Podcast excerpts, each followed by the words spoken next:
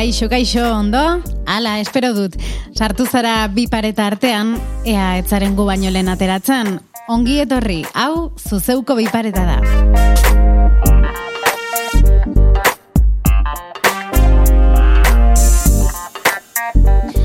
Ai, zenbat gustatuko litzaidaken zuek denak txulotxo batetik begiratzea, eh?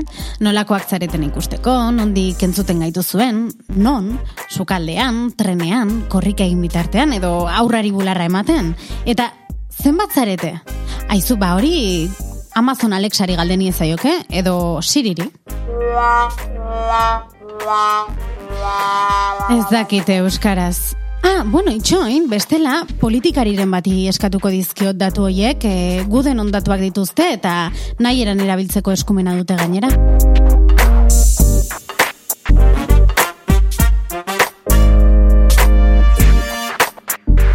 Ba bai, aurkeztu ditut bigaiak dagoeneko, lehen paretarako adimen artifizialak euskera behar duela mai gaineratuko dugu. Eta Common Voice proiektua zitz egingo dugu zuzeuko erredakzioko kideekin. Bigarren paretari joko dion kazetari gonbidatua notiziaz de Gipuzkoako Jordan Arretxe izango da. Eta aitortu digu, hauteskunden gaia besterik ez duela buruan azken aldian. Eta bai bai, guk sinesten diago, eh? Baina zuzeuko biparetan gauza berriak ere nahi ditugu eta horregatik eskuinaren diskurtsoaren eta hainbat ekitaldiren atzean ezkutatzen denari edota datu pribatuen erabilerari buruz arituko gara. Prest? Bagoaz!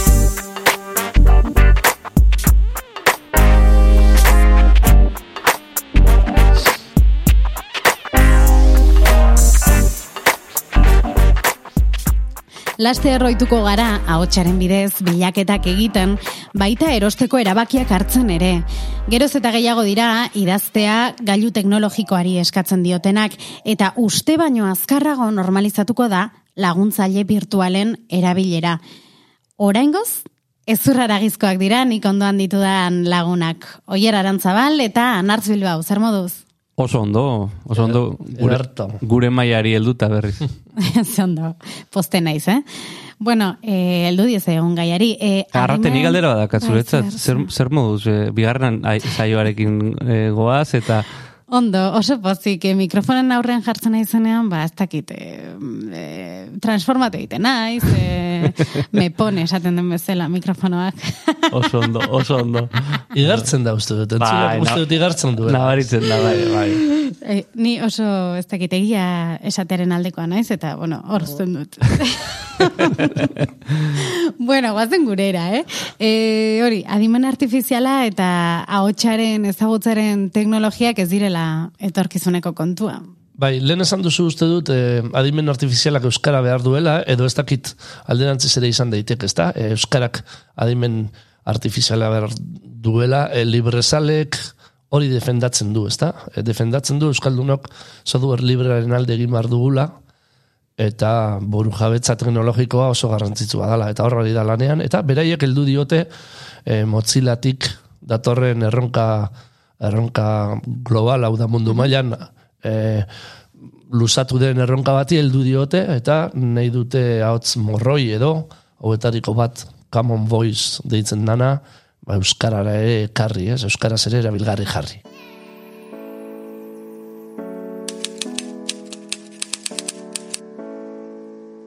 Common Voice Mozillaren proiektua da, helburua hizkuntza teknologia munduko ahalik eta hizkuntza gehientara eramatea da.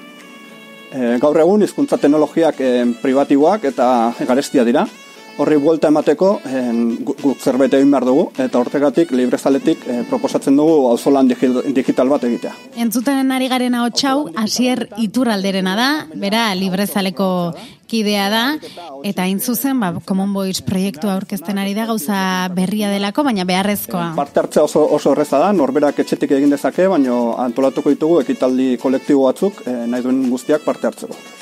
Bai, bai, e, eta bada pixka bat, e, bueno, hain korrika, e, korrikaren garaian gaudez, eta bolo-bolo dabil bai korrika, gure lasterketa hori, eta bai euskara, euskal gintza oro Eta euskal gintzak bere momentuan, e, eta orain ere, militantziatik izan du, ez? Eta sarean ere militantzia hori behar, oso beharrezkoa izan da, ba, hainbat eta hainbat eh, zerbitzu, aplikazio, e, sare sozial itzultzeko, Twitter bera, e, Wikipedia bat eukitzeko e, propioa, e, Mozilla e, bilatzailea euskaraz izateko, Googleeko e, hainbat eta hainbat aplikazio euskaraz izateko, ez? Auzolan digitala deitzen zaiona. Hori da, bai, auzolana, e, ba, eremu digitalera eramana, Eta zentzu honetan, e, Common Voice, oso ondo azaldu den bezala, ba, da e, asistente virtual edo morroi virtual hauetakoak, e, hauek e, euskarara ekartzea. Ez? E, kasu honetan, mo, e, Mozillak edo librezalek bultzatutako e, e, bueno, asistentea edo, edo morroia da, e, baina badira beste batzuk, eta segurazki hoiek ez dira alfabetatuko euskaraz, ez? Edo ez behintzat e, horren e, bizkor. Bai, horrek erakusten du pixka bat baita ez da gauza berria, ez da? Baina antza denez, e, e, nahiko garapena, nahiko garestia, eta nahiko e, inbertzio handia egin behar omen da, ez da? Garatzeko horrelako gauza, kordonka, entrepresa handiak, e, Microsoft, Apple batek, etekina, ez da, rentagarritasuna bilatzen ez badute, ez dute egin. Bosta jola zai e, Euskara, ez? Eta, eta baina, bezizkuntza. Baina, librezalek zorionez esaten duen bezala Euskaraz, ba, bai, iztun komunitate txikia izanik, eh, elkarlanerako hau, gaitasun erralduia daukaguna diot, ez da? Eta hasi dira eh, maratoi deitu dieten ekitaldi batzuk antolatzen, uste dut apirilaren bederatzean egin zutela lehena, eta bakaleran, ba, jendea bertara joan, eta eh ahots grabaketak egiteko, baina bueno, ez da beharrezkoa ere, bakoitzak bere etxetik ere. Hori da. Eta gero ez dakite taldean modu ez dakite proposamen divertigarri bat ere izan daiteke, hau, ez dakit mai jolas bat izan daiteke bezala, edo ze, egin dezu ez ja, probatu ez Bai, ni, ni probatu dut. E, eta oso erresa da. Oso erresa da, grabatzen oso erresa da. Esaldiak ateratzen dira hausaz, ez, e, modu aleatorio batean, eta eta zuke ba esaldi horiek grabatu behar dituzu, ez? Eta bueno, eh azpimarratu duten gauzetakoa da izkera ezberdin asko bildu nahi dituztela, ez? E, bai euskalkien aldetik, baina baita ere, ba hori, emakumezko, gizonezko, e, grabe, e, bakizu, ba, ahotzak oso ezberdina dira, batzuk oso grabeak, beste batzuk bai. e, kontraten horrak, eta beste batzuk e, e, baritonoak, ez? Eta, Am, amar mila ordu grabatzeko helburua omen dute. Eta erronka makala. Baina zifra horrek agian beldurre emango digu, baina amabost minutu, norberak amabost minutu hartzen baditu, gutxi gora bera, berreun eta hogeita boste saldi grabatzen ditugu. Beraz ez da inbesterako. Ez da, orain erronka da, bueno, ez da inbesterako, bai, asko da, baina esan nahi dut. Akaso beldurra ematen digu amarre mila ordu horiek, eta ez da, E, nola deituko zenukete jendea, ze seguruna honek beldurra edo ez dakitez jakintasuna edo eman dezakela? Nik deituko nuke, o deialdi egingo nuke, e, batez ere etorkizun hurbilan eta e, ausartuko nitzatek esatera baita ere orainean ere, e, audioak garrantzia handi hartuko duelako, ez? e, gure bizitzetan.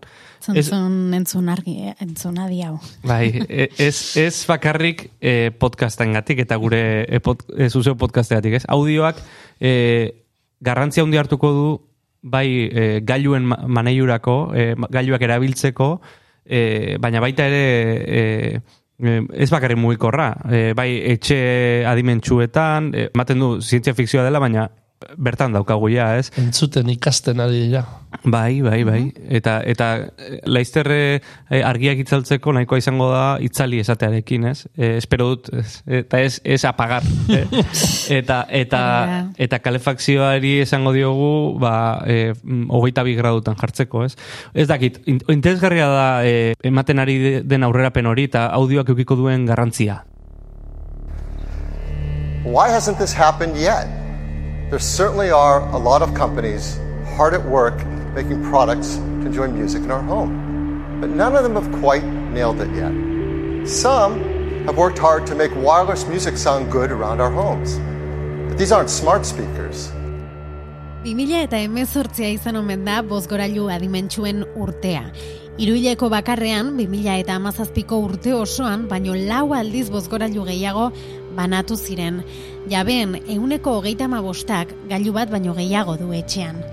Consumer Intelligence Research Partners izeneko erakundearen arabera, Google Homek merkatuaren euneko hogeita lau hartu du. Amazoneko Alexaren ahotsaz euneko irurogeita marra. Apelek aldiz ez du espero zuen arrakasta lortu, Siri etxean euneko seiean bakarrik geratu baita. Others have worked to make smart speakers that you can talk to. They don't sound so great when you listen to music.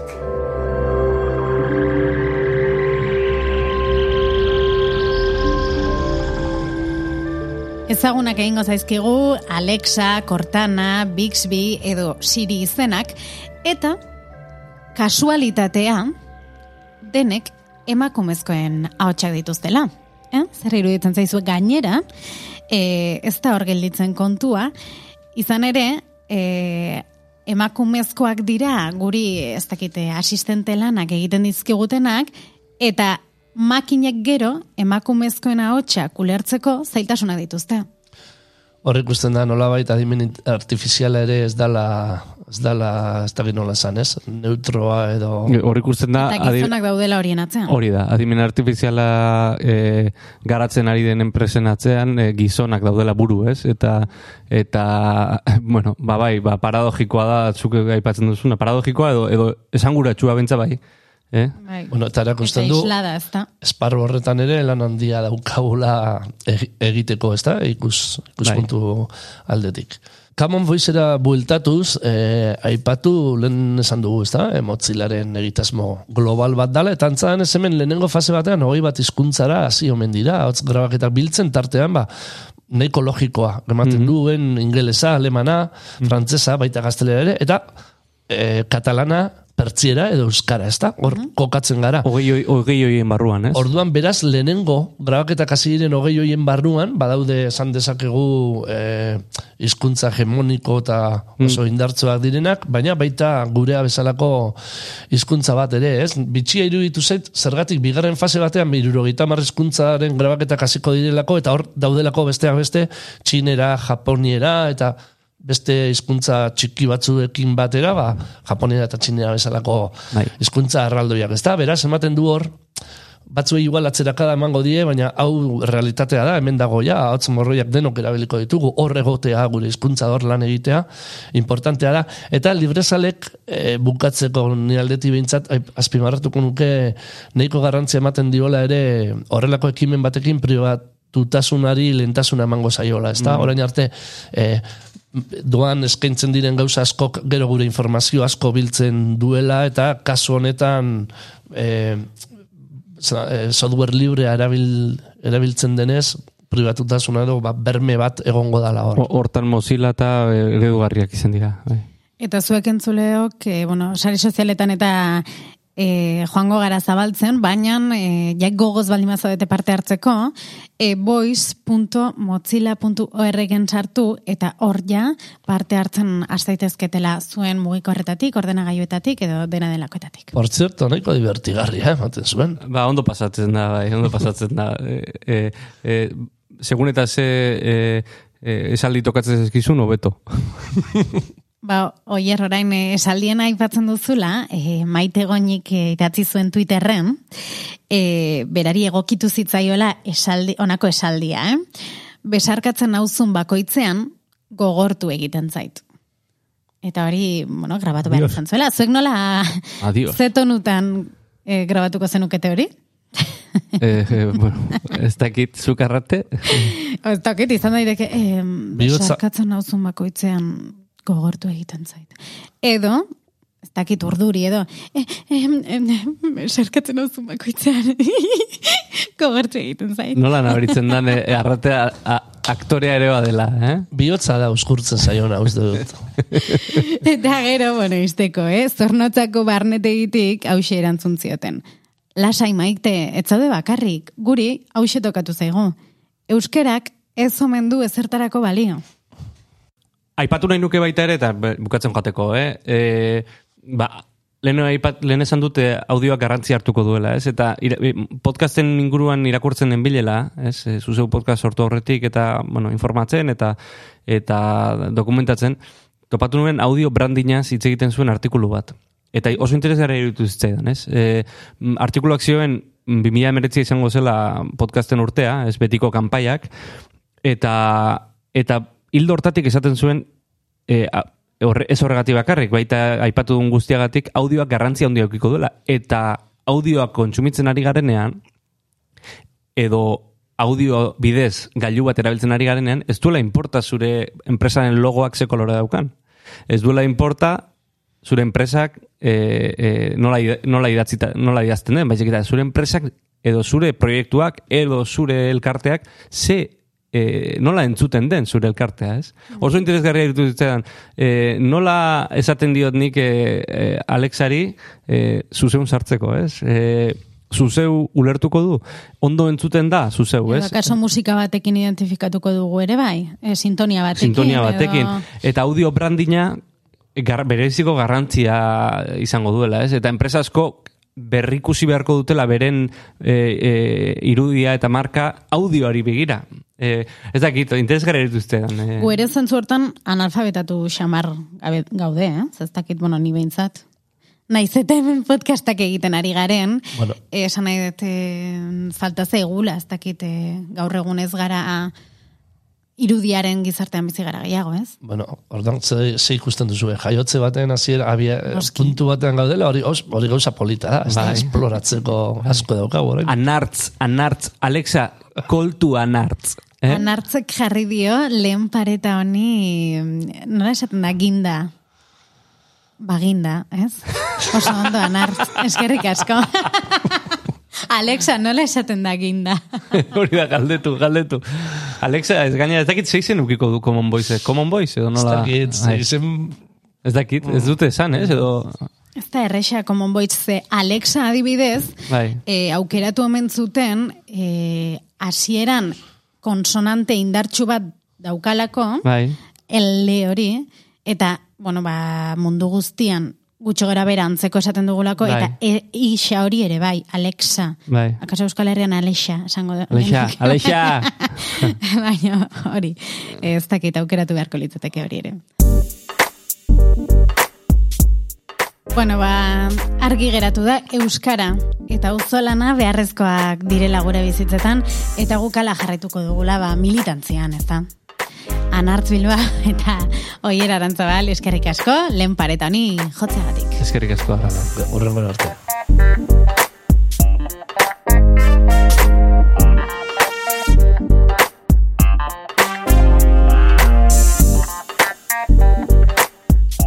Goazen bigarren paretara, goazen bigarren gaiari heltzera.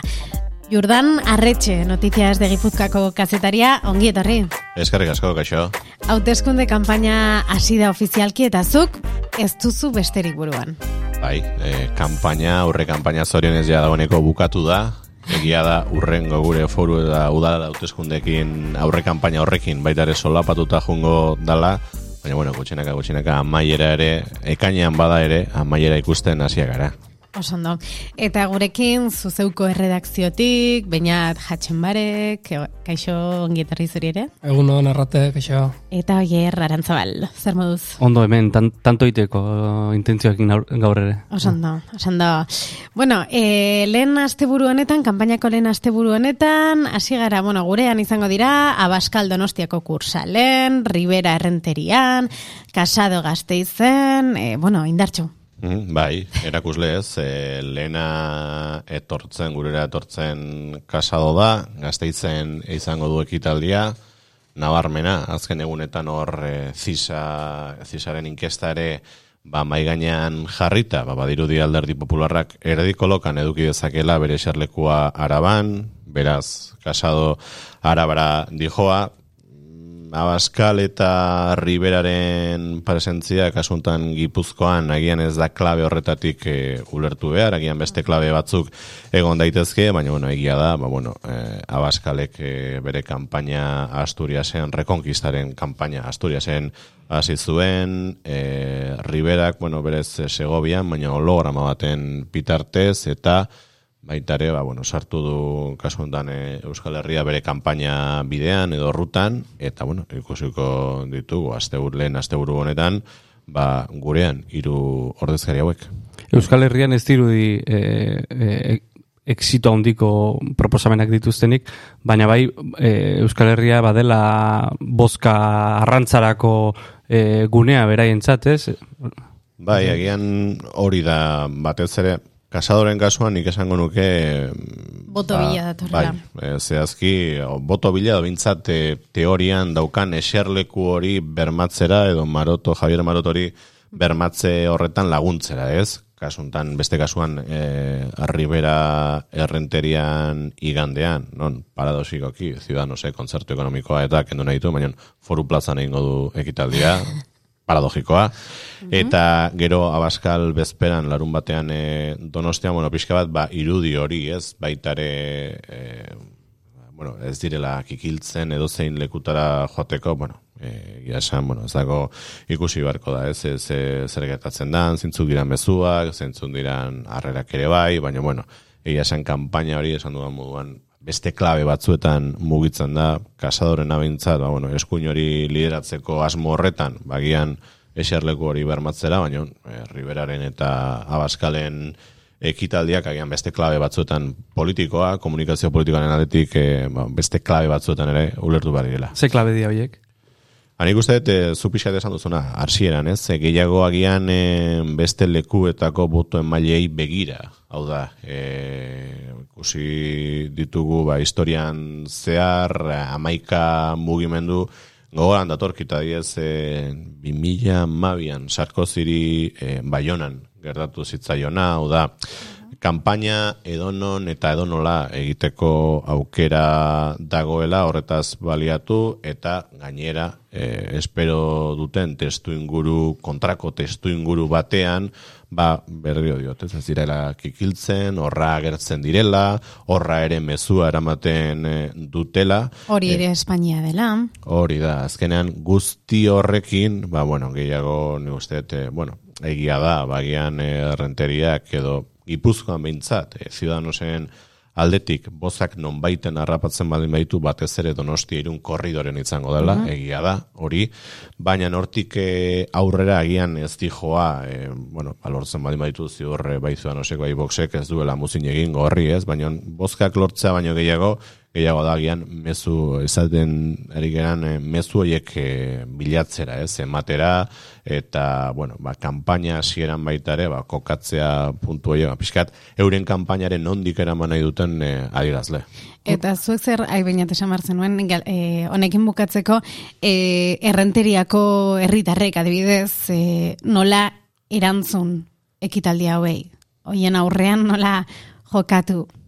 Nik uste, e, nik uste, eh, normaltasun oso, azkenean e, kanpaina elektoral baten barruan gaude, hau da, ura atorkita ez altxasuko are bai, ez? Piskat e, estremoagoa Bai. izan zana, ez da asko egon zan horren inguruan, zea, e, ze erantzun eman, ez eman, Hori da. nola egin, ez egin, nik uste eta e, hau gainera e, argiagoa dala azkenean, bitu, kanpaina elektoral ekitaldia dala, e, zorionez edo zortxarrez, jende gehiena, gizartaren gehiena, ez da ekitaldietara juten, inkluso gero bozkatuko duen alderdiaren ekitaldietara ere ez da juten, eta azkenean, e, uste, em, beste jarrerarik e, erantzun, ezakit oldarko rasan, edo horrelakoak egitea ziurrenik agian, e, Kalterako izango dela. Edo behintzat bai em, besteak indartzeko. berabildezakela bere... Horren bilarri abez. dira, ez? Hori da, bai. Bueno, bakoitzaren hori. intentzioak ikusiko ditugu ematen direnean, baino desde luego eh, ikusi genuen altxasun eh, horren aurrean erabilpen bat edo bintzat horri ere buelta politikoki buelta matea saiatzea erraxa izango litzateke. Ba, harri ikusi zinek eta dana sortu zian, altxasun, orduan. Ez, ba, hor, nik e, galdetu nahi nizuna zen, e, azkeneko egunetan Javier Maroto nadierazpen batzuk e, zabaldu die zenten, on e, esaten zuen, ba, leno aipatu dezuna ez, arabako eserleku hori e, jokon daola, ba, eskuin Espainiarran zatiketa tarteko. Hor, e, esaten zuen, beak mesede jendiola eserleku horriek e, EH Bilduri ezakizun nola ikusten duzun e, EAJ ere horre egon daitekeen, EH Bildura joango dan.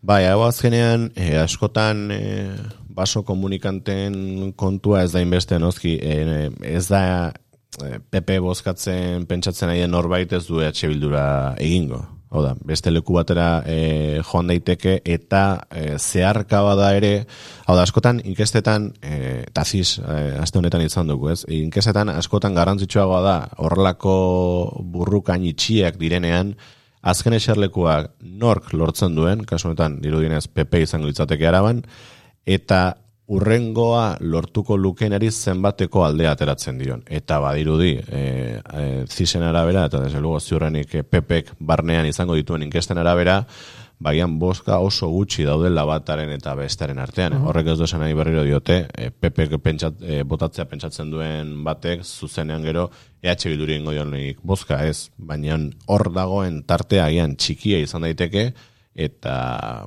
ba, esan bezala alderdi popularraren aldeko bozkak edo boxera edo zidanosera, inkluso etxean gelditzen baldin badira, eta EH Bilduk, kasu honetan EH Bildu dalako dirudienez, leia horretan dagoen hori, EH Bilduk bere, bueno, ba, botanteak edo mantentzen baldin baditu tinko eh, mobilizatuak, lor dezake alderdi popularrari dagokion inkesten arabera eserleku hori gaur egun. Claro, azkenean hogei egun falta dira, bueno, bueno, hogei egun baino gutxiago, bi aste falta dira kanpainan eta ikusi beharko da ze, ze garapen duen kanpaina bera, kanpaina horrek araban beran. Hor, ultraeskuinari erreparatuta, e, pixkat despistatzen dagoena da orain, e, bueno, iruen arten egon, daiz, egon daitezken e, ezberdintasunak e, ego euskal herriari dagokionez ez, e, e, Ciudadanos eta Voxek oso diskurtso e, garbia daukate e, kontzertu ekonomikoaren da estatutuaren aurka, e, ez dakit Pepek eta kasa, batetik kasadok Pepen sortu duen korronte oraindik eskuinerago eramatea eta gero bestetik bi alderdi hauen diskurtsoak nola panorama orokorra oraindik ere ultraeskuinera gehiago eraman duen, ez dakit gaur egun nola ikusten duzun Peperen jarrera, badibidez kontzertu ekonomikoari dagokionez eta horrek nola eragin alko dion e, ego euskal herrian. Mm, Alderdi popularrak eh, lidergo berria dauka, eh, kontuan hartu behar dugu kasadok eh, kargua ustailan hartu zuela, eta horrik beti denbora bat eskatzen duela. Horretaz aparte, kasado denetarik eh, esaten entzun dugu, hau da, ikusi dugu zenolako aliantzak egin adibidez eh, Nafarroan, baino adibidez kasadoren aholkulari guru ekonomikoak esan duena da, ez eh, justu kontzertu ekonomikoak kendu behar denik, baizik eta justu kontrakoa. E, Espainian estatuko autonomia erkidego guztiek euren kontzertua beharko luketela, da, korresponsabilidade bat, eta hau da, beste aldetik, junda ez, ez, ez zuk esaten zenuen Vox eta Ciudadanosen diskursoretatik, baizik eta kontrakotik, ez?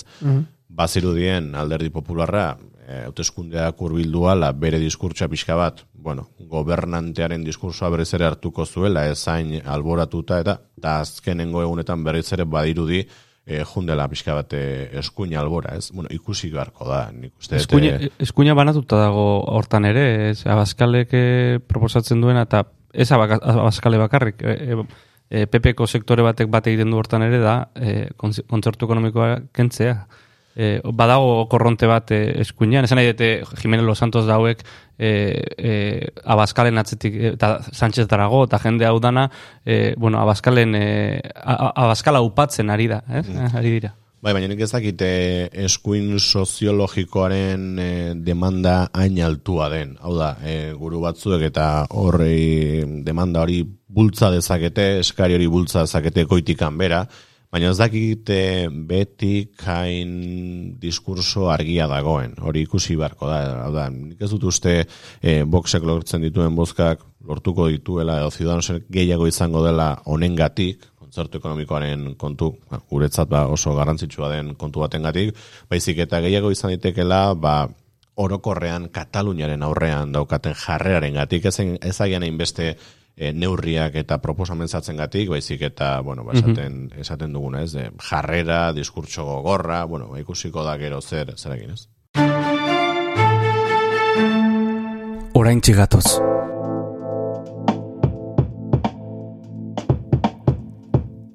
Zuzeu podcast. Zure hizkuntzan mintzo diren istorioak.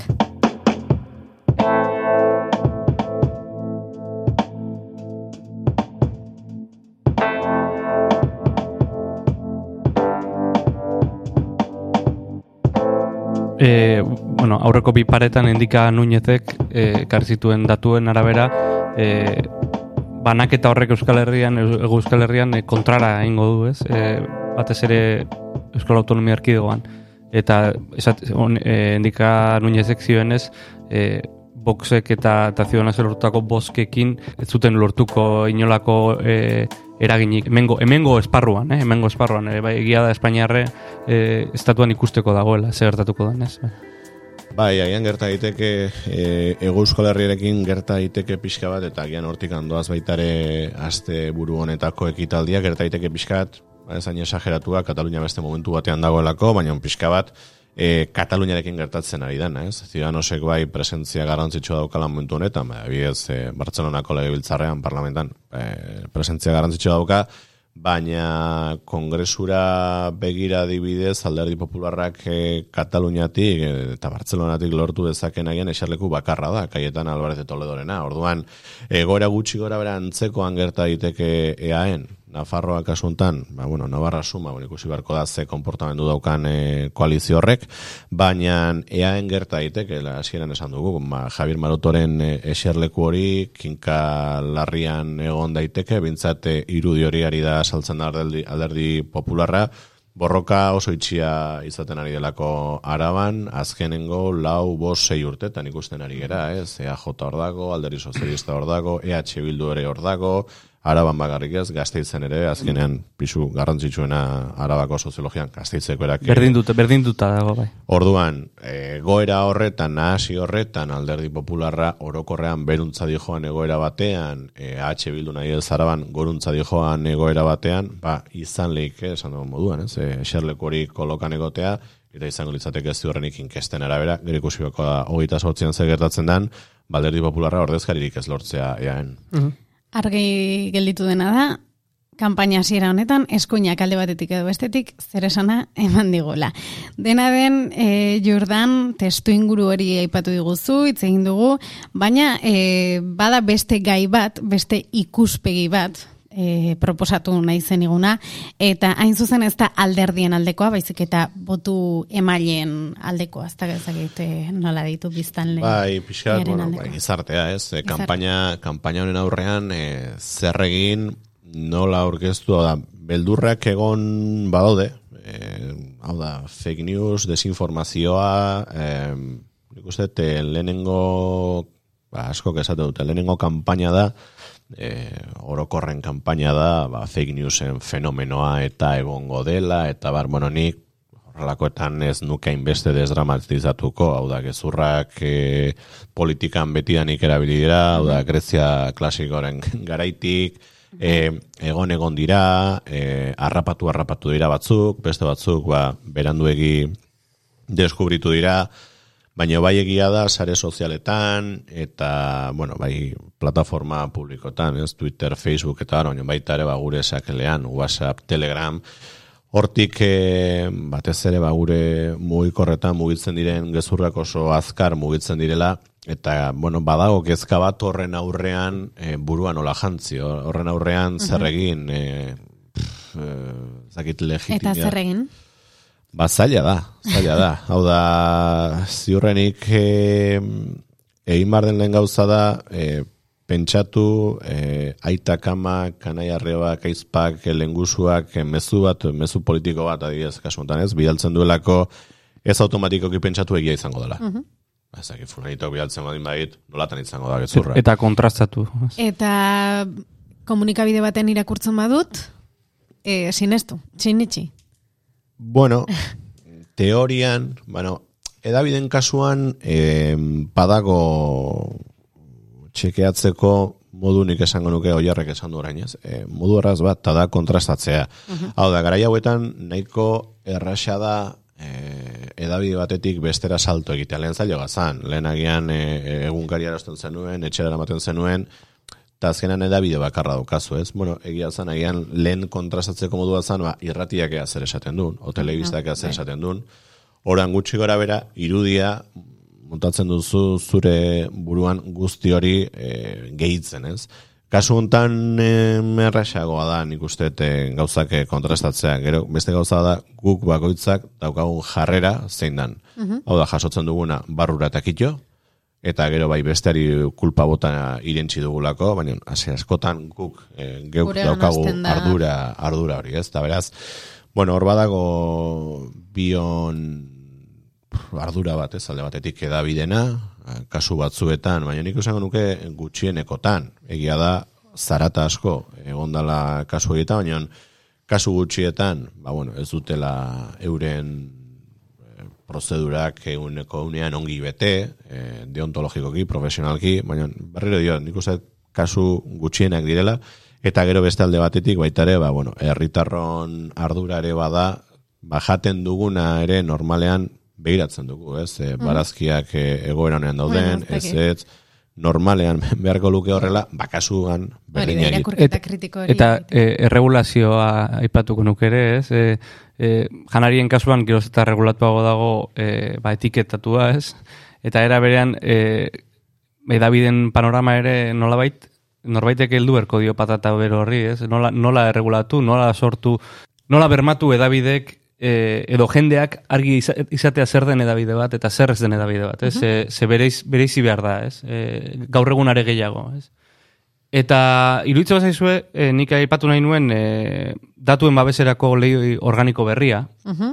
ze mm, lege honen arabera, e, alderdiek lortu dituzte lehen ez zituzten eskumen batzuk, jendearen datuak, sarean e, gaur egun ino, inoiz baino erresago lortu daitezken datu pribatu Eta, eta, hori da, berez babestuta daudenak, berez erabil, Bai. eh, enpresek eta modu, pribatuan erabiltzen dituzten, baina berez ezin direnak erabili eta behaiek bai daukatela alderdiek lortu dituzte eskumena. privilegio batzuk e, datu hoiekiko. e, entzungo du sarreratxo bat bazaizue. Estamos ante un proyecto de ley que culmina hoy su tramitación después de muchos meses. Vino en noviembre del año pasado, se terminó el periodo de enmiendas en el mes de abril. Es un proyecto de ley de un gobierno del Partido Popular, impulsado por el Partido Popular en el seno de la ponencia y que en mitad de su tramitación se produce el cambio de gobierno y pasa a ser impulsado por el grupo parlamentario. Datuen babeserako lege berriaren arabera, alderdi politikoek biztanleen perfil ideologikoak egin izango dituzte. Web horri edo sare sozialetatik ateratako informaziotik. Propaganda banatu dozuenei hauteskunde bulegoetan egon zarienei. Les ha caído la careta. Nos dijeron durante seis meses que no se podía compensar el copago farmacéutico a las rentas bajas. Hauteskunde propaganda baimenik gabe erabiltzea albidetuko die lege berriak mezu komertzialengandik bereizi baitituzte. Eusko alderdi jeltzaleak alkarlana egiten dakiala erakutsi dau barriro be. Horregaitik, guk horren aurrean proiektu bat daukagu. Proiektu garbi bat... Beste inork egin ezin duena egiteko askatasuna izango dute alderdiek.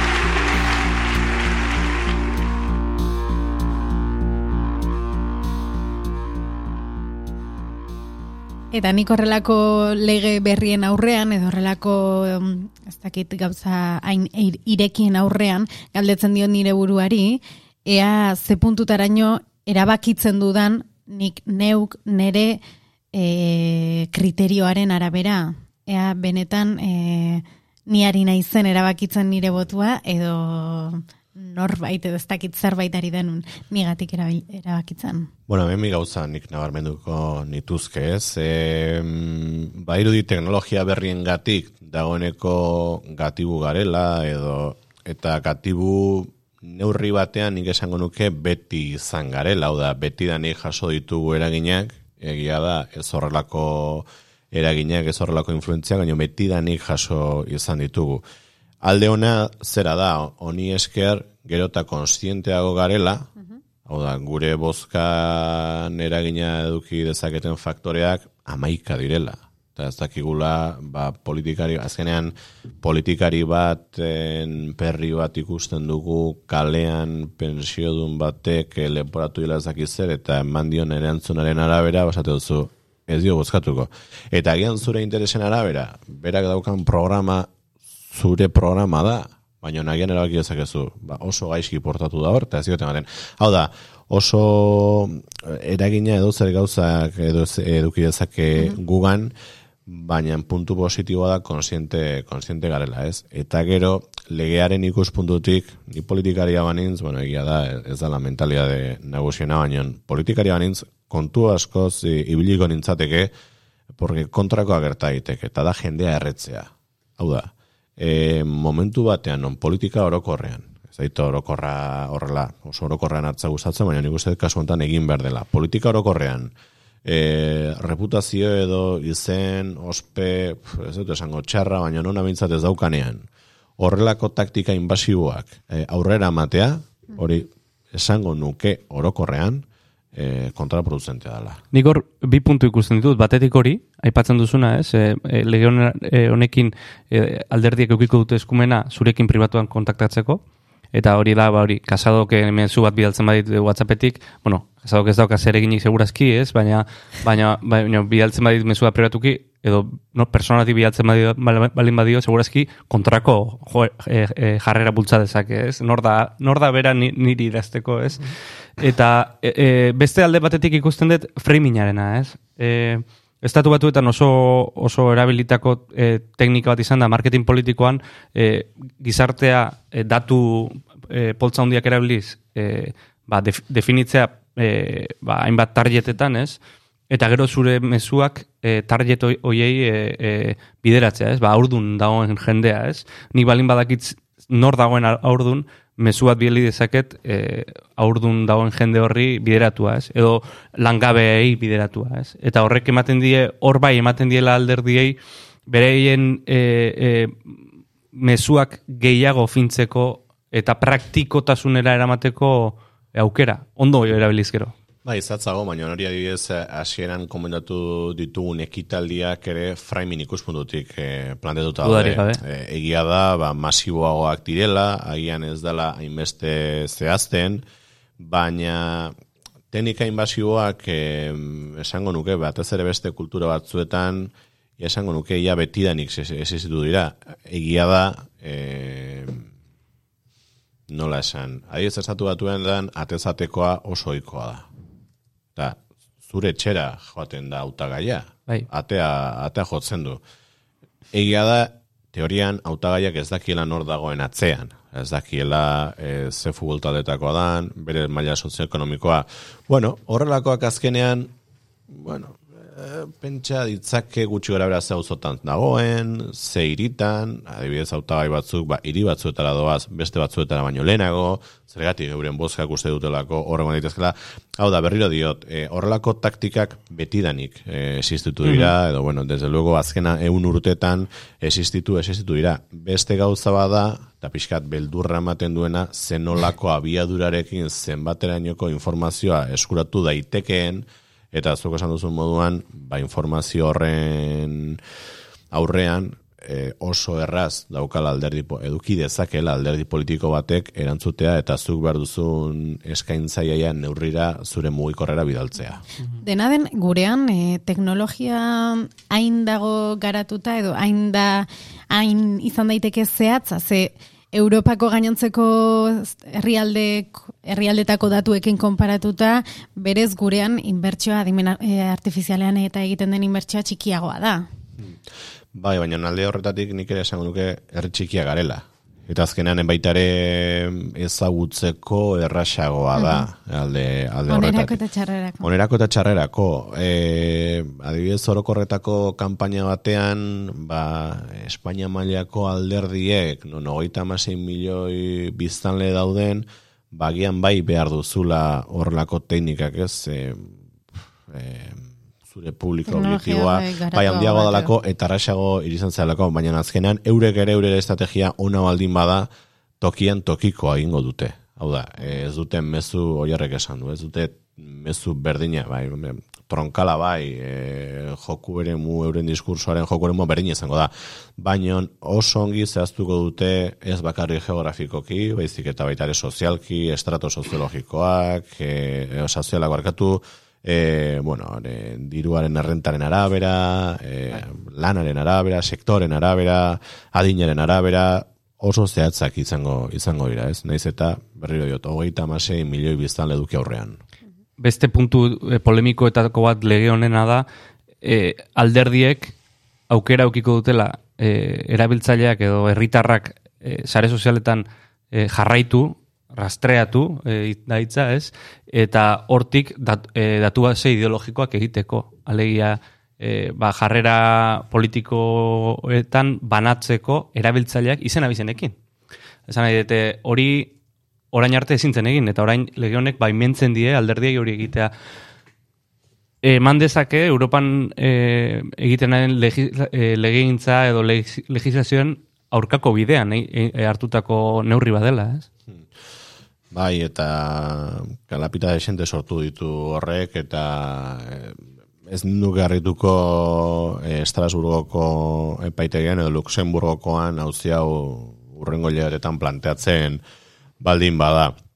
Berriro diot, azkenean eh, horrelakoak beti egin dira, eh, kontua da, bueno, incluso kasu okarrenetan zerrenda beltzak, ba, beti danik eh, egin dira, baina kontu, osea, momentu honetan gakoa da zuk esan duzuna izen abizenekin, ez? E, ez da inbeste esatea ba Gipuzkoan, ba Bizkaian, soziologikoki ez dakit zenbat e, hain txikiko daude, e, ama sortzi hogeita bat urte bitat, hau da, klasifikatzea guzti hori, baizik eta gainera orain egitea hori izen abizenekin, ez? Eta pixka bat, hausnarketa honen hasieran esandakoarekin lotuz, berriro abia puntua berdina da. Ta ez da inbeste politikariak, baizik eta gu geuk zenolako informazioa eskintzen dugun, jartzen dugun sare sozialetan.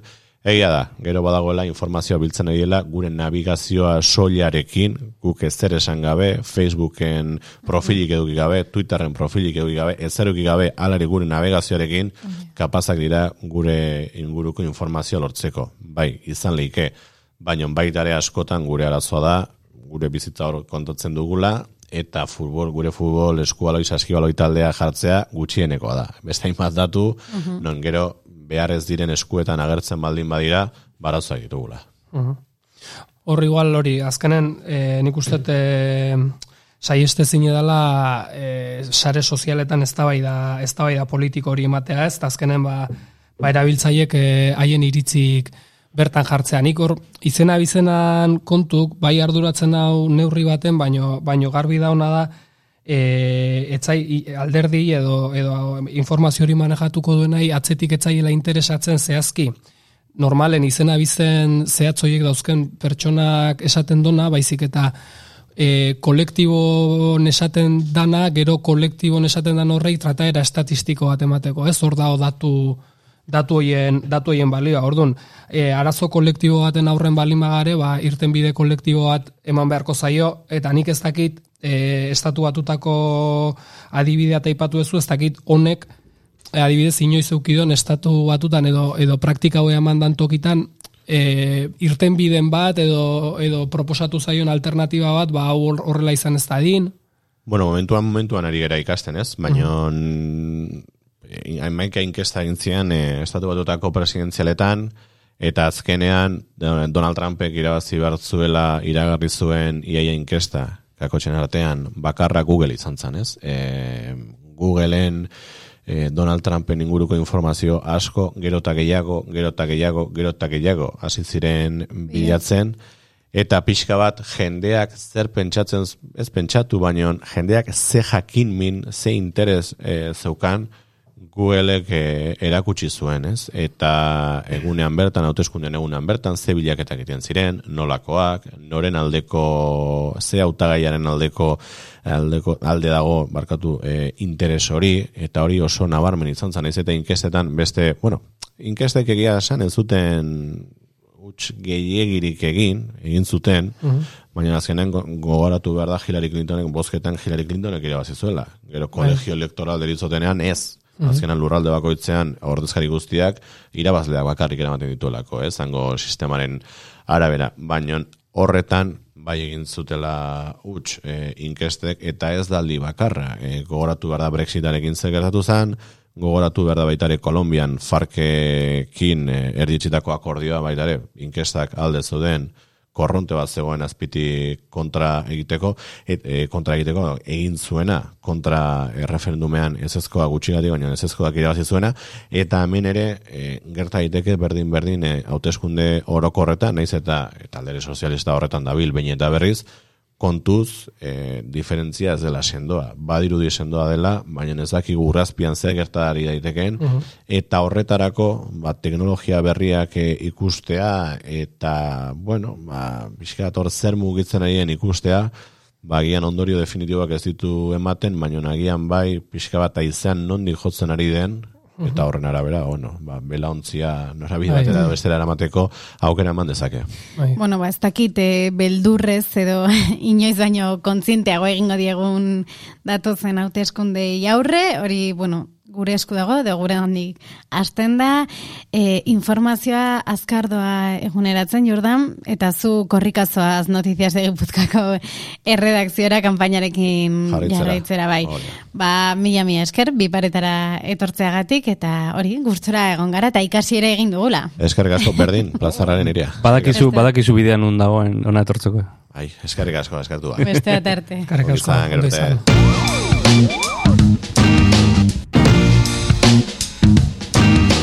Datuak eta datuak. Hori ekarri digute gaurko paretek.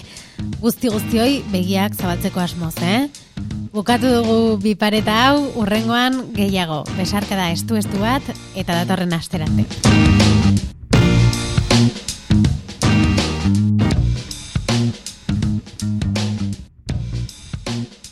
Edozein plataformatan entzun dezakezu zuzeu podcast. Spotify, Apple Podcasten, Google Podcasten, eta plataformaren batean espalima gaude, idatzi podcast abildua zuzeu.eus elbidera. Hori da podcast abildua zuzeu.eus. Eta segidan igoko dugu plataforma horretara ere gure edukia. Eskerrik asko eta hurrengora arte.